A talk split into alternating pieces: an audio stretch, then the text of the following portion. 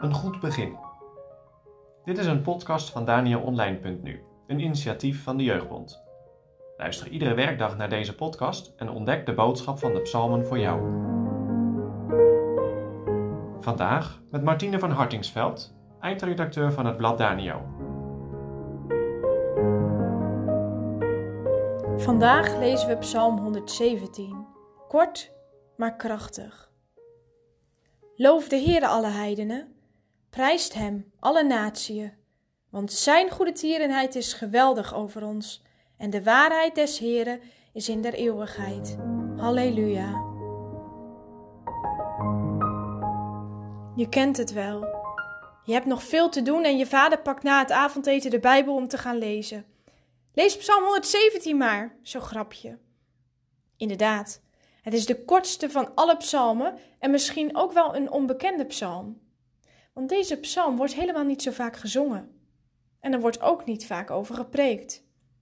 Waarschijnlijk is deze psalm gedicht ten tijde van Ezra, toen de tempel werd ingewijd en het Pascha werd gehouden. Daar waren ook niet-Joden bij. We lezen over hen in Ezra 6, vers 21. En daar staat: Al wie zich van de onreinigheid der heidenen des lands tot hen afgezonderd had, om de Heere, de God van Israël, te zoeken. Deze heidenen worden in Psalm 117 opgeroepen om de Heere te loven en te prijzen.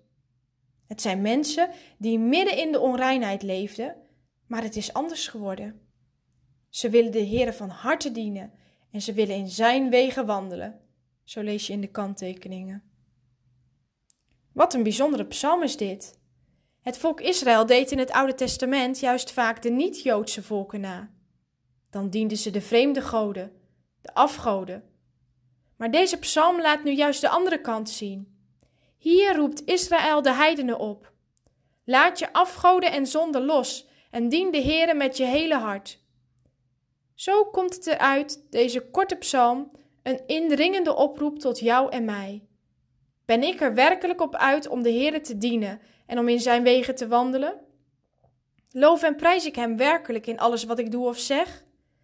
Is mijn leven een oproep aan de mensen die hem niet kennen? Kom, ga met ons en doe als wij.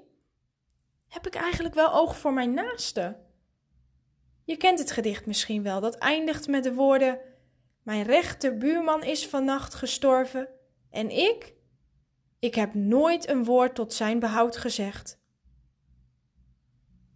Leg je leven eens naast deze psalm. Misschien zeg je ja, zo is mijn leven. Ik voel me precies zoals het hier in Psalm 117 staat. Een heiden. Ik ken God niet. De kerk zegt me niets. En om mijn naaste, ja, daar bekommer ik me niet echt over. Dat loven en dat prijzen, dat herken ik helemaal niet. Maar luister dan eens naar het tweede deel van deze psalm. Je vindt er eigenlijk een samenvatting in van heel de Bijbel. Er worden twee woorden genoemd: Gods goede tierenheid en Gods waarheid. Het woord goede tierenheid betekent goedheid of genade. Wat heeft de Heere goed gedaan aan Israël? Ondanks alle zonden van het volk was hij steeds weer de eerste. Hij verloste hen uit Egypte. Hij bracht ze terug naar de ballingschap. Is Zijn goedheid niet geweldig dat wij eten en drinken krijgen, dat wij de Bijbel mogen lezen en zoveel dingen meer? En vooral, Hij heeft Zijn Zoon naar de aarde gestuurd om te zoeken en om zalig te maken dat verloren was. Moeten we dan deze psalm niet naspreken, dat Zijn goedheid geweldig is? En het tweede woord waarheid. Zijn waarheid is in der eeuwigheid. Het Hebreeuwse woord voor waarheid komt terug in ons woordje amen. God is trouw. Hij is betrouwbaar. Je kunt op zijn woord aan. De Heere doet wat hij belooft. Als we zingen, opent uw mond, eist van mij vrijmoedig, op mijn trouwverbond. Al wat u ontbreekt, schenk ik, zo gij het smeekt, mild en overvloedig. Dan kunnen we ervan op aan dat hij niet liegt. Een korte psalm, geen woord te veel. Geen woord te weinig. Leer deze psalm vandaag eens uit je hoofd.